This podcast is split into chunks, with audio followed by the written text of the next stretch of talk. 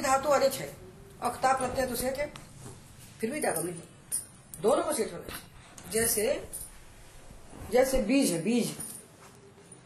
बीज को जब आप उपजाऊ भूमि में डालोगे फर्टाइल लैंड में तो पैदा होगा। अगर बीज को तुमने डाल दिया मरुस्थल में तो कुछ नहीं पैदा होगा। और बहुत अच्छी भूमि में तुमने घुना हुआ बीज डाल दिया तो भी कुछ नहीं पैदा होगा। तो जैसे बीज से अंकुर होता है तो ज़मीन, भूमि और बीज दोनों के संयोग से होता है। अब चलिए इनकी दीक्षित जी, देखिए ऐसा है कि आप इसको धोखा मत दीजिए। उनको ज्ञान होना चाहिए। प्रत्यय तो हमें मालूम हो गए। इसको रटवा बेटा तीस प्रत्यय रटवा दो इसको। ये तीस प्रत्यय जो लिखे हैं, इन्हीं को इतकागम होता है। दूसरा तरीका हमने लिख दिया है कि ती, तू, त्राता को छोड़कर जितने भी तकार आदि प्रत्यय हैं, ता से शुरू होने वाले वाला आधातुक प्रत्यय, कोई डागम होता है तीतु त्राता को छोड़ दो। ये दूसरा वे है। या तो अब चौदह याद कर लो या चार याद कर लो।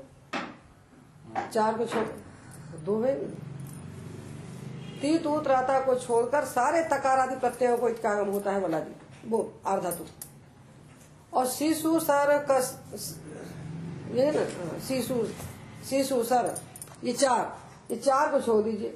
शिशु सर सा शिशु सर सा चार को छोड़कर सारे सकार आदि आधातु प्रत्यय को जागम जगम और एक प्रत्यय आता है वसु और सात प्रत्यय हुए लेखकार के थलवामा सेधुए वह ये तीस प्रत्ययों को जागम होता है। अब धातु समझिए। अब धातु याद कीजिए। हम निकाल के देते हैं आज प्रिंट और रटवा उन लोग इसकी निष्ठा में कभी नहीं पढ़ना चाहती भाई। और हम क्या करें इसको?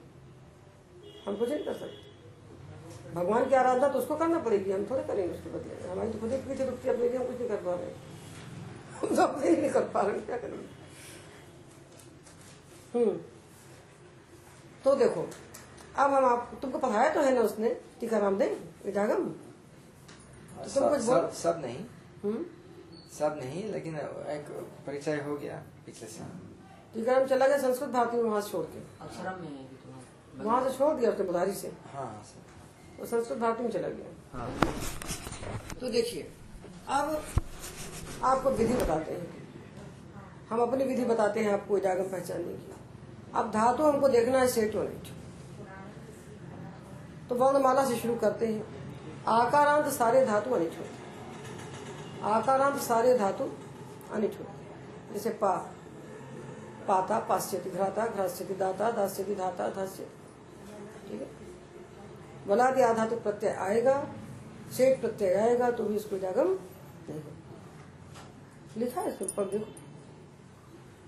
ये अत्र। आकारांता सर्वे अनिट पेज खोल लो बच्चा, जो खोले, पेज नंबर देखो। दो धातु से श्री और श्री इससे बनेगा श्रैता, श्वेता। और बाकी सब अनिट है। तो जी जेता, ची चेता, की चेता, पी पेता। ठीक है? ईकारांत में दो सेठ है। और शींग। बाकी अनेक है। उकारांत में छह सेठ है। ठीक है? बाकी अनित है। उकारांत सारे सेठ है। ह्रस्व रिकारांत में दो सेठ है। और दीर्घ रिकारांत सारे सेठ है। दीर्घ उकारांत सारे दीर्घ रिकारांत सारे सेठ है। ये अजंत धातुओं को सेठ का विभाजन हो गया हम आपको बना बनाया रूप का चार्ट देते हैं। और हलंत धातु में 102 धातु अनिच है। आगे। आपका आपका कहना है जैसे जी धातु सेट। है कहाँ है ऐसे? देखो जी बताओ क्या जी लिखा तो जी तो जेता कैसे? जी तो जेता जेता तो सेट नहीं है। अनिट तो हमने क्या कहा है? देखो देखो क्या लिखा है। इकारांत में दो सेठ है श्री और श्री। और शे- और बाकी सब कुछ है। अनिट उसको छोड़कर अनित। उसको छोड़कर बाकी अनित है। इकारांत में डीम शीम को छोड़कर बाकी अनित है। उकारांत में छह को छोड़कर अनित है। रिकारांत में दो को छोड़कर अनित है। और दीर्घ रिकारांत तो दीर्घ उकारांत सब सेठ है। एजेंट सारे अनित है। उसको पढ़ लेते हैं। फिर निकाल भी देते हैं। और हलंत में ये 102 धातु अनित है। ककारांत में एक चकारांत में छह जकारांत में पंद्रह देखिए ना? हाँ। छकारांत में एक ये एक सौ दो है। ये डागम है। ये सामान्य डागम ये डागम के सेवेंटी एट सूत्र है। नहीं सेवेंटी वन तो लेकिन मेरा प्रश्न है कि आपने जैसे 102 बताया तो ये सब कंठस्थ कंठस्थ करना चाहिए कंठस्थ ये पाठ करने से अपने आप कंठस्थ हो जाता है?